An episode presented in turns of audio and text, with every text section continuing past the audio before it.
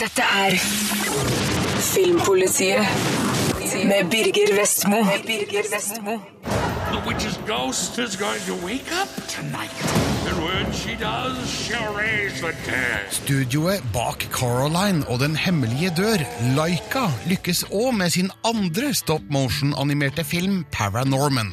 Jeg elsker stop motion. Det er et eller annet med figurenes og miljøenes tekstur som virker mer eh, virkelig enn når man kun bruker computere. Paranorman er et nydelig eksempel på hva som går an å få ut av stop motion kombinert med CGI. Filmen forteller òg en historie som vil være grøsselig god underholdning for de yngste, og morsom for alle store. Derfor får Paranorman en skrekkelig klar anbefaling. Norman, wait up! I like to be alone. So do I. Let's do it together. Norman føler seg som et utskudd både hjem og på skolen. Han kan nemlig se og prate med døde mennesker. Men når en gammel forbannelse truer byen med zombieinvasjon, får Norman bruk for sine evner. Han er den eneste som kan forhindre total kaos, hjulpet av noen gode og noen ikke fullt så gode venner, samt sin avdøde onkel. This is crazy. Do I look crazy to you? Uh, Filmen hyller historiene fra gamle skrekkfilmklassikere. Du vil kjenne igjen flere elementer fra sjangeren. Barn vil få en innføring i skrekk de seint vil glemme. Jeg liker hvordan regissørene Chris Butler og Sam Fell gjør det her, samtidig som de holder innholdet på et underholdende nivå for hele familien. Norman er en fin helt i denne sammenhengen, en forsiktig og sjenert gutt som finner styrken til å tre frem med mot og overbevisning, uten at det blir Hollywood-klissete. So.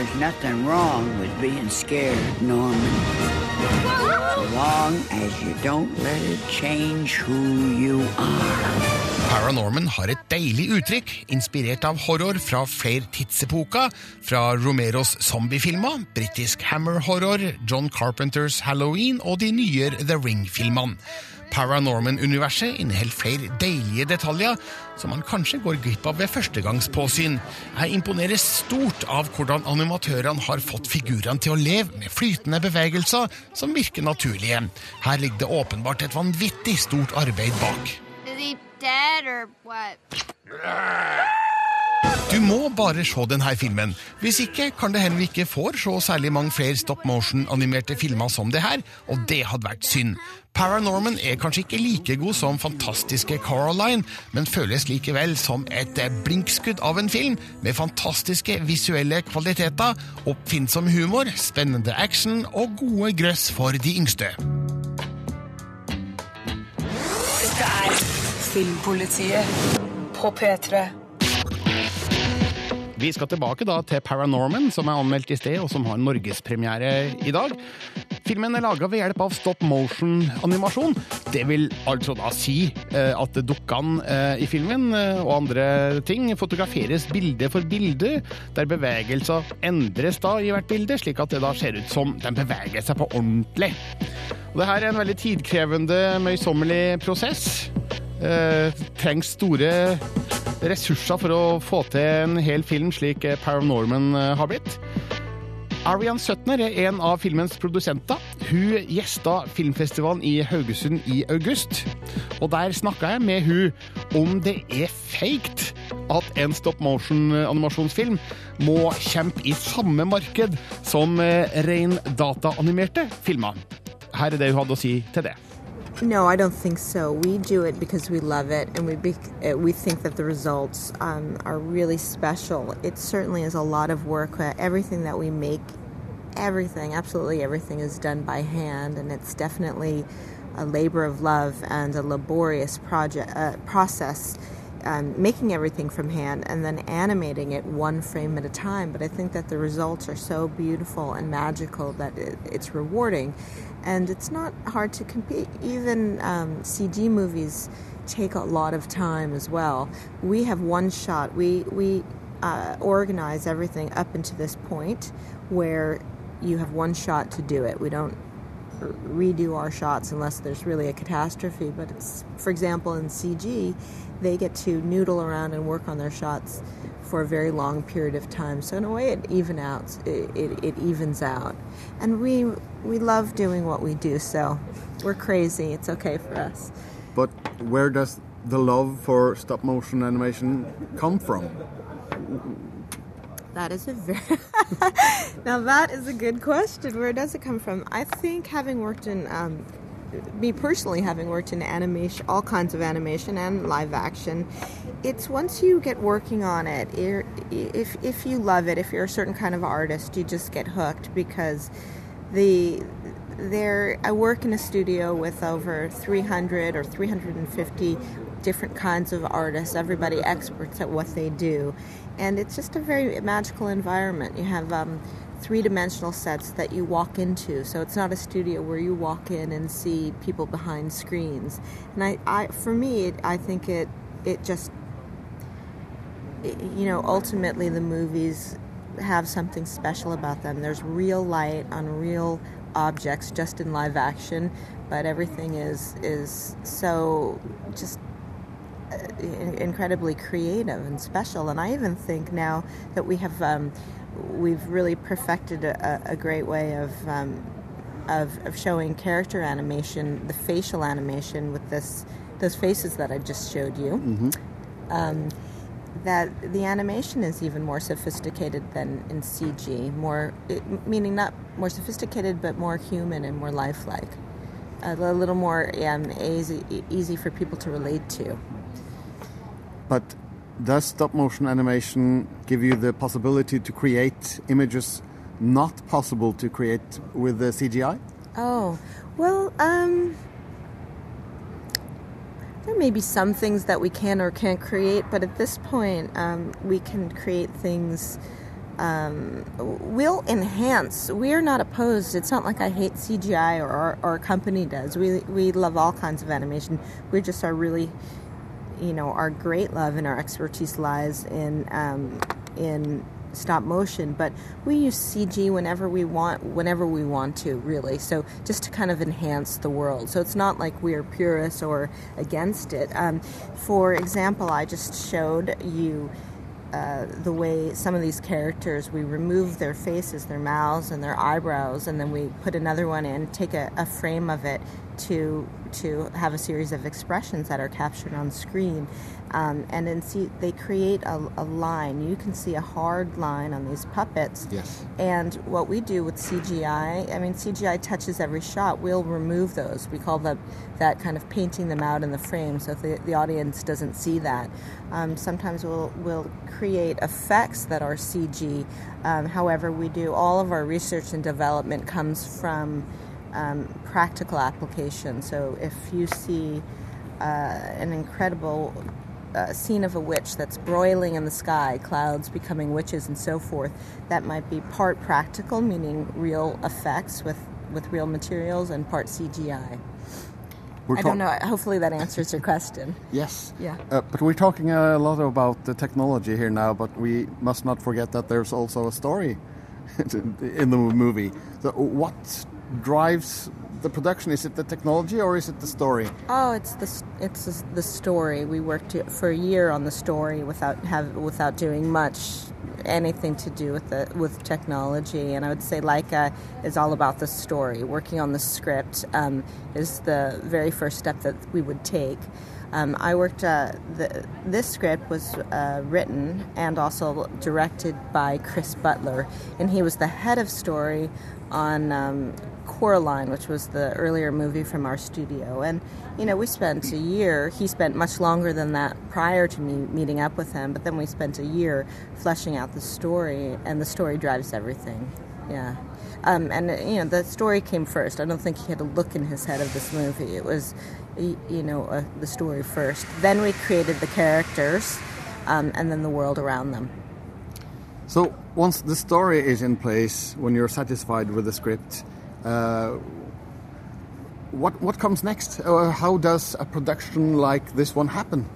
That is a good question. Um, every every movie is different, and every stop motion movie is different. But for our us, um, he had a script, then we worked Chris had a script, then we worked on that script for well over a year using story people, so some of the story artists. And sometimes um, in that process, we would uh, work on some visual development. And then he excuse me. No problem. and then he would um, take that back to uh, and kind of incorporate it into the script. So if he was developing something from the first act and we had some ideas or some gags he would then come back and maybe perhaps write that into the script. Um, at the same time we started to flesh out uh, a character lineup once we lighted on who we knew this core story was going to be and really worked on that for well over a year getting that right and that's just pen on paper um, and uh, then i would say we start to, to storyboard it which is a, for stop motion, it's an essential part of the process. Um, it's a blueprint for the movie, and so we story everything and we turn it into reels, and then start to work with an editor. So the whole movie, everything is planned before the first shot is being done? Oh yes, we had everything planned. We went into this movie. Some movies go into uh, a production phase or shooting phase, not knowing what the, our third act was. But we were pretty lucky and very insistent that we uh, knew what the third act was. We knew what everything was planned from the beginning. Um, stop motion is, uh, I think I had mentioned earlier, you get one shot at shooting a shot, and i everything is planned uh, down to its very tiniest of details to make the look consistent for the viewer, to make you. Everything is planned so that you can lose yourself in this world that has a lot of, you know, much different r- rules than yours and I do uh, does because everything's in miniature and um, everything in our movie is kind of askew and off kilter and uh, kind of wonky. And if you didn't believe that, if everything wasn't true to that down to its tiniest details, I think it would take you out of the movie. Um, so it's a highly planned um, and detailed and organized event to, to pull off a stop motion movie. What's the most fun part of creating something like this, a stop motion animated movie? It's hard to say what the most fun part is, but for me, always creating something from nothing. You know, you have uh, an idea, you have um, a script, just words on paper, um, and it's incredibly ambitious. And you know when you're doing it, or that is to say, I knew when I was doing it, oh, actually, it's too ambitious. And you do it anyway, and then you work with all these great people who are experts in what they do and love what they're doing. And then you. Um, start seeing it in dailies on screen, and it's a wonder. You know, you move. Uh, um, we're we're looking at an inanimate object. We're looking at a little um, nine-inch Norman here, and Yeah. he is just a, you know, essentially a puppet made out of pieces of material and made out of, you know, an armature that you can't see underneath, and he comes to life in a way that is extraordinary. With, you know, you feel for him, you watch him go through his journey, and he has you know all of our emotions and more. Mm-hmm. And it's it's just magical. It's like making you know this table come to life or this coffee tr- cup that we're drinking out of come to life. It's neat. I mean i think you have to be a certain sort of you know crazy person but we found all these crazy people to do this.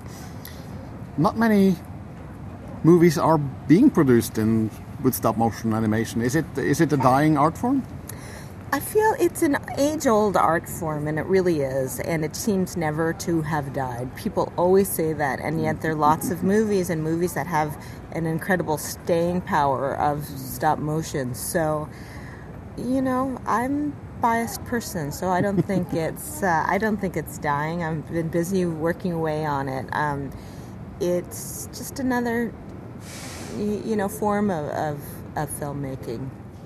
Dette er P3. En kongelig affære har premiere i dag. Marte Hedenstad anmelder. If you can get the king to visit your bedchamber on the first evening, you'll be perceived as a great success. Politisk drama, kongelige intriger og inderlig, men forbudt kjærlighet. Dette er ord som beskriver filmen En kongelig affære. Denne danske filmen er et historisk kostymedrama om det danske kongehuset. Proppfull av vakre bilder, fabelaktige kostymer og flott skuespill. Jeg kan godt lide å drikke, jeg kan godt lide luder med store bryster, og jeg kan godt lide å slåss. Og hvad er det galt i det? Vi befinner oss i Danmark på 1770-tallet, når ideologiene til opplysningstidens store tenkere er i ferd med å spre seg utover Europa. Alicia Vikander har rollen som den unge prinsesse Caroline Mathilde av England. Hun har giftet seg med sin fetter kong Christian den 7. av Danmark og skal møte sin mann for første gang. Caroline har hørt at kongen er en opplyst mann med sans for drama og poesi, og hun ser frem til et interessant liv ved det danske hoffet. Når hun ankommer Danmark, finner hun fort ut at virkeligheten er en ganske annen. Kong Christian er en nervøs og ekstremt usikker ung mann som rett og slett er splitter pinegal. De tror alle sammen jeg er skør. Karolines redning ut av ensomheten blir kongens nye livlege, tyskeren Johan Friedrich Struense, spilt av Mats Mikkelsen. Han er i all hemmelighet en mann av opplysningstiden, med sans for Rousseau og Voltaire. Og som idealister med trang til å kjempe om frihet for folket, trekkes dronningen og legen snart mot hverandre, og et inderlig kjærlighetsforhold utvikler seg. Jeg tror ikke de selv er klar over hvor mye innflytelse de har på Christian Tromsø. Det er en spennende historie som fortelles i en kongelig affære. Ikke bare fordi den er basert på historiske hendelser, men fordi jeg bryr meg om figurene. Filmen skildrer den intense kjærligheten mellom Struense og dronningen på gripende vis, og det er Mats Mikkelsen og Alicia Vikander som helt klart er filmens største stjerner. Mikkel Følsgaard er ikke like sterk i sin rolle som kong Christian. Kongen er en morsom figur som får meg til å le, men han kan også bli litt for fjollete til tider. Og dette river meg litt ut av filmopplevelsen og får meg til å lure på hvor nært Følsgaards skildring av kongen ligger mot sannheten. Jeg, kong Christian den 7., erklærer hermed krig mot lort. En kongelig affære er en gjennomført film og appellerer til deg som har sansen for detaljer. Alt fra kjoler, dresser, hår og smykker er tidsmessig riktige og ikke minst vakre å se på. Sammen med en fin fargepalett og flott lyssetting gjør dette filmen til en fryd for øyet. Etter å ha sett Den kongelige affære fikk jeg lyst til å ta et dypdykk i historien til det danske kongehuset. Jeg vet ikke hvor mange friheter filmskaperne har tatt seg når det gjelder historisk korrekthet, men det er heller ikke viktig, for det er den store, men såre kjærlighetshistorien som står i sentrum for denne filmen. Dette er Filmpolitiet på P3. Og så, ny premierefilm eh, skal anmeldes. Grete Megré hadde aldri vært i en situasjon hvor hun måtte velge mellom lojalitet og integritet. For andre ville ikke dette ha vært et dilemma i det hele tatt. Men for Grete Megré ble dette et problem av eksistensielle dimensjoner. Dag Johan Haugerud leker med filmformatet i sin første spillefilm. Han utviser en beherska fortellerstil som dyrker hverdagsstemninga. Historiene som fortelles, og menneskene i dem, er gjenkjennbare. De gestaltes godt av et knippe solide skuespillere. Men jeg savner et poeng ved det hele, noe som forteller meg hvorfor jeg skal fortelles det her. Filmen henger i løse lufta når den avsluttes, noe som er villet, men det virker litt retningsløst. Så du likte den? 150 sider med spissformuleringer, kan du kanskje si. Og det er jo ikke akkurat min uh, favorittlitteratur, men uh... Det her er tre historier med utspring fra den samme blokka. En sykepleier kommer i konflikt med den nye hun er fadder for, en oversetter får et anstrengt forhold til sin nye forlegger, og et arvetilbud blir et hett tema innad i en familie. Rammen for historien er forfatteren som leser inn sin egen lydbok. Da Grete Megré var 16 år, het hun Ellen Jensen. Unnskyld, uh, uttales det May-Gret? Nei, det er, det er et fransk navn. Megré. Grete Megré. Hun er fransk? Nei, nei, hun har tatt navnet. Jeg kommer til det. Vi får bruddstykker fra de her menneskenes hverdager. De forskjellige historiene knyttes sammen. Visse scener repeteres fra ulike vinkler.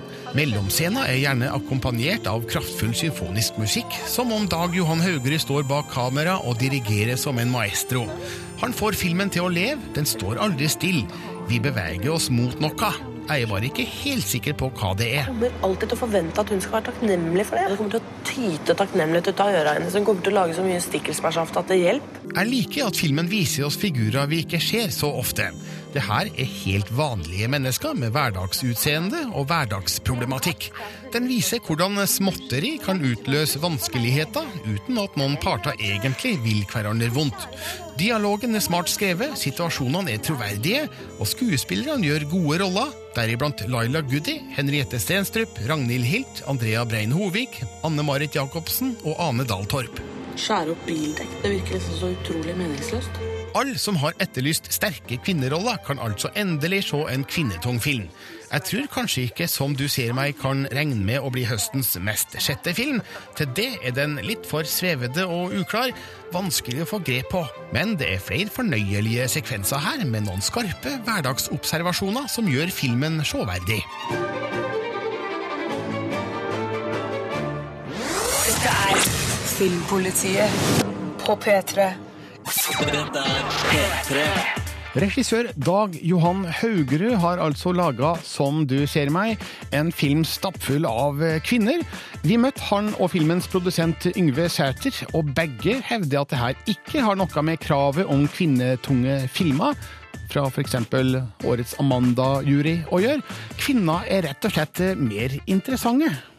Altså, jeg har ikke en sånn kvinnepolitisk utgangspunkt for filmen. Nei. Men du har vel sagt at du Eller tar jeg feil? Når du interesserer deg mer for kvinner enn det? Nei, jeg gjør det. Jeg gjør egentlig det.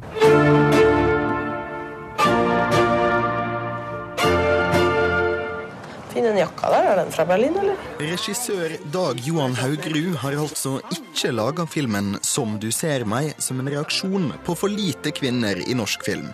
Men hvorfor har han laga en film med kvinner i alle bærende roller da? Jeg, jeg syns på en måte at det iblant er en sånn verden som man ser for lite av og hører for lite om og sånn. Og til. Den uh, hverdagskommunikasjonen som skjer mellom kvinner, som ofte er litt annerledes enn den som skjer mellom menn. Men det kan også hende at den hverdagskommunikasjonen som skjer mellom menn, er egentlig kanskje mangler litt i filmene. Da. Jeg syns jo det er morsomt å jobbe med komikk som oppstår via misforståelser og folk som snakker forbi hverandre over hodet på hverandre og sånne ting. Og at det syns jeg ofte ser i hverdagen sjøl. Folk som sier noe som andre ikke forstår, og så responderer bare folk med å nikke og si ja, i stedet for å liksom si at hallo, det her skjønner ingenting. Eh, og det er sånt jeg ler av sjøl. Så jeg syns jo det er på en måte en sånn, Det er jo en komikk i det, da. Men det er jo ikke tatt Det er, det er ikke spilt som en komedie. Det har vært viktig. Du, noe helt annet. Kommer du egentlig fra England eller noe? Nå? Mamma pleier å slå over til engelsk når hun blir usikker. skjønner du? Nei, nei, nei, må du gi deg, så. Kom igjen, da. Du gjør jo det. Excuse me. Som en av tre filmer ble 'Som du ser meg' valgt til norsk Oscar-vurdering. Til slutt gikk eh, kandidaturet til Kon-Tiki. Både regissøren og produsent Yngve Sæter mener likevel at det er en ære å i det hele tatt bli vurdert til noe sånt. Altså, det er jo en anerkjennelse å, å, få en sånn, å komme på en sånn liste, og det blir man jo glad for. Det er først og fremst det liksom, jeg har reagert på. Jeg har blitt glad for det, men jeg, ikke, jeg ser ikke helt uh, Det er litt absurd da, på en måte. da. Nei, jeg tenker vel at uh, det er tre veldig forskjellige filmer. Det blir et retningsvalg, men uh, det som jeg sier, er jo at hvis man ser på de filmene som har blitt nominert og vunnet for beste utenlandske film, Oscar, så er det jo sånne filmer som det her. Det er sterke emosjonelle, psykologiske drama. Og det er ikke eventyrfilm. Skal ikke være redd for alvoret? Skal du det? Nei, kan ikke helt. Et lite stikk til eventyret Kon-Tiki fra Som du ser meg, produsent Yngve Sæter på slutten. Andreas Hatzel Opsvik intervjua han, og regissør Dag Johan Haugerud. Du kan finne min anmeldelse av filmen på p3.no slash Filmpolitiet P3. Vi har altså fått et nytt ansikt her i dag. Henrik Savnevik. Jeg syns egentlig det er litt sånn håva, det. Jeg heter Henrik, da. For meg så er du en Christian med CH. Mer eller mindre mann er så avgjort mer vellykka enn minner. Martin Lund har regissert et underfundig portrett av en stor gutt som ikke er tilpass i voksenrollen. Henrik Rafaelsen spiller godt med et hårfint skille mellom å være barnslig drittunge og etablert samboer. Filmen avsluttes før jeg rekker å se den helt store forløsninga av problemstillingene som bygges opp, og noen av personkarakteristikkene er i overkant tydelige, men jeg trakk på smilebåndet, samtidig som jeg grøssa over gulp gjenkjennelsesfaktoren. Du skal bli far. Føler du deg klar for en sånn oppgave? Vi møter Henrik, spilt av Henrik Rafaelsen, når han nettopp har flytta inn i en ny leilighet med sin verpeklare samboer Tone, spilt av Janne Heltberg, og har fått ny jobb på kontor. Men Henrik er kanskje ikke helt klar for en etablert voksentilværelse. Han finner seg ikke til rette der, og føler han ikke makter å matche forventningene som stilles til han. Henrik havner gradvis i en identitetskrise som får utagerende konsekvenser. Det kan ikke være sånn at vi ikke kan snakke sammen. Ja, vi snakker nå? Gjør vi det? Ja, vi gjør det. Gjør vi ikke det? Jeg liker måten filmen leker med antydninger på. Vi ser det i parets noe uortodokse humor at Henrik ikke er helt på Tones nivå når det gjelder modenhet. Vi ser det i små situasjoner at Henrik til tross for voksen fysikk, er som en usikker tenåring i voksne situasjoner. Det er en økonomisk fortellerteknikk som forteller oss alt vi trenger å vite om figurene. Noen av bifigurene har helt åpenbare funksjoner i filmen, og spilles derfor òg med en forholdsvis liten grad av subtilitet, f.eks. Henriks partyglade vennegjeng og hans matbekymra mor. Åssen er det der på jobben? Det er bra. Det er noen momenter ved filmen som får meg til å sette spørsmålstegn ved figurenes troverdighet, som f.eks. samboerparets høylytte aborthumor ved kjøledisken, og Henriks noe merkelige handling i en bil som Tone nærmest smiler overbærende av. Hvem gjør sånt egentlig? Iblant skulle jeg nesten ønske at filmen fortalte mer om det her parets fortid, for i flere scener fremstår ikke Henrik som en mann Tone ville ha blitt sammen med i første omgang. Mer eller mindre mann varer i bare 80 minutter. Den er plutselig over, uten at jeg føler jeg har fått all svar på spørsmålene filmen stiller. Men samtidig kjenner jeg igjen enkelte trekk fra egen overgang fra ungdom til voksen. Og det siste bildet gir en viss indikasjon på veien videre, i hvert fall den veien Henrik håper han skal ta. Det her er en morsom og bittersøt film om å bli voksen. Herregud, Henrik, du er 35 år gammel! Dette er Filmpolitiet på P3. Dette er P3. I snart åtte år har World of Warcraft vært det desidert største massive online-spillet. Mange gigantiske og dyre spillproduksjoner har forsøkt å vippe WoW av tronen, uten å lykkes. Vår spillmann Rune Haakonsen har brukt de siste ukene på å undersøke om Guild Wars 2 er en reell utfordrer. The dragons have always been here.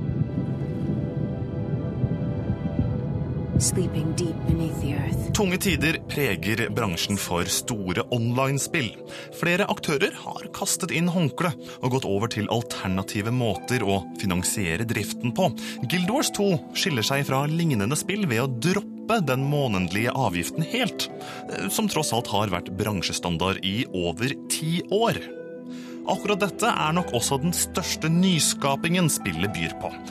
Resten av Guild Wars 2 bygger på velkjente MMO-suksesser, men utvikleren ArenaNet har også strømlinjeforma spillopplevelsen. Alt du gjør, gir deg nemlig erfaringspoeng, om du enten velger å utforske, gjøre oppdrag, drepe fiender eller lage virtuelle sverd.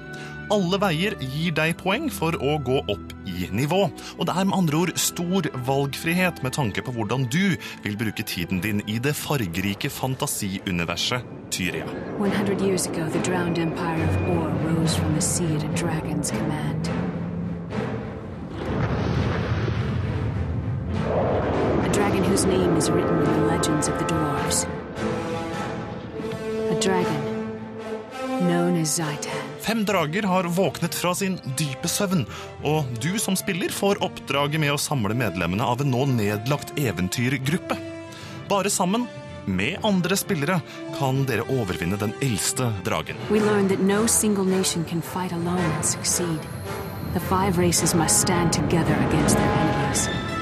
Guild Wars 2 er altså et massivt flerspiller online-spill. Et MMO-spill, rett og slett. Hvor ditt eventyr er bare én brikke i det store puslespillet sammen med tusenvis av andre mennesker. Dessverre har Guild Wars 2 for lite fokus på samarbeid. Det er ingen ekstra belønninger for de som velger å gå i gruppe med andre for å løse problemene på veien. Med et kjapt tastetrykk kan du også kaste deg ut i episke kamper med andre spillere. På store kart slåss du mot andre servere om kontrollen over slott og forsyninger.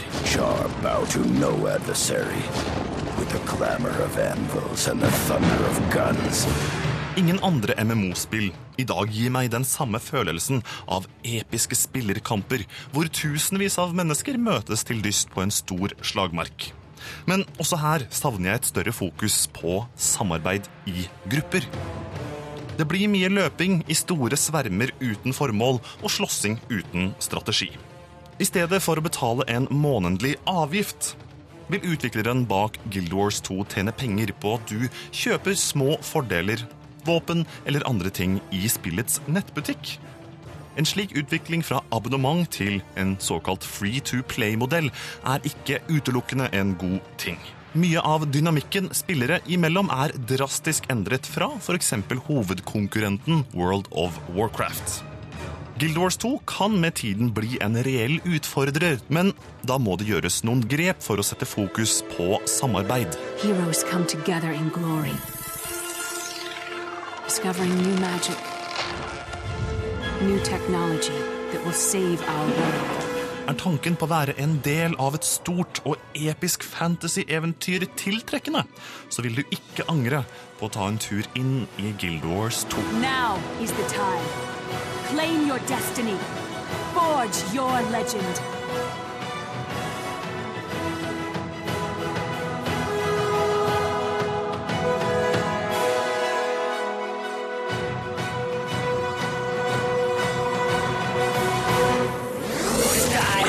Filmpolitiet på P3.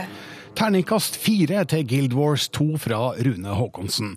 Har du testa spillet, vil han at du stikker inn på nettsidene våre, p3.no filmpolitiet, og legger inn din mening om spillet der. Nå er What to Expect When You're Expecting et alternativ på Blu-ray og DVD. Her er min mening om filmen. Filmpolitiet P3. Pregnancy sucks. Making a human being is really hard. I have no control over my body or my emotions. Scare Bear, I'm sorry. All I want to do is punch you in the face. What to expect when you're expecting kan oversettes med hva man kan forvente når man venter barn. Filmen er ok, men trykker på litt for mange av de forventa knappene. Problemstillingene står i kø, men alle behandles på forenkla vis. Og så lurer jeg litt på filmens publikumspotensial. Hvor mange ønsker egentlig å se en romantisk komedie om graviditet i et samfunn der sjøldyrkende mennesker blir stadig eldre før de setter barn til verden? Dad, Wendy and I have a little announcement to make. We're pregnant. Vi møter flere par som venter barn under ulike omstendigheter. Rosie, spilt av Anna Kendrick, og Marco, spilt av Chase Crawford, blir gravide etter en one night stand.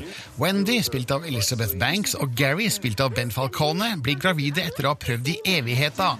Holly, spilt av Jennifer Lopez, og Alex, spilt av Rodrigo Santoro, har gitt opp og vil adoptere, mens Jules, spilt av Cameron Diaz, blir gravid med sin partner i Skal vi danse, Evan, spilt av Matthew Morrison. I was breastfed myself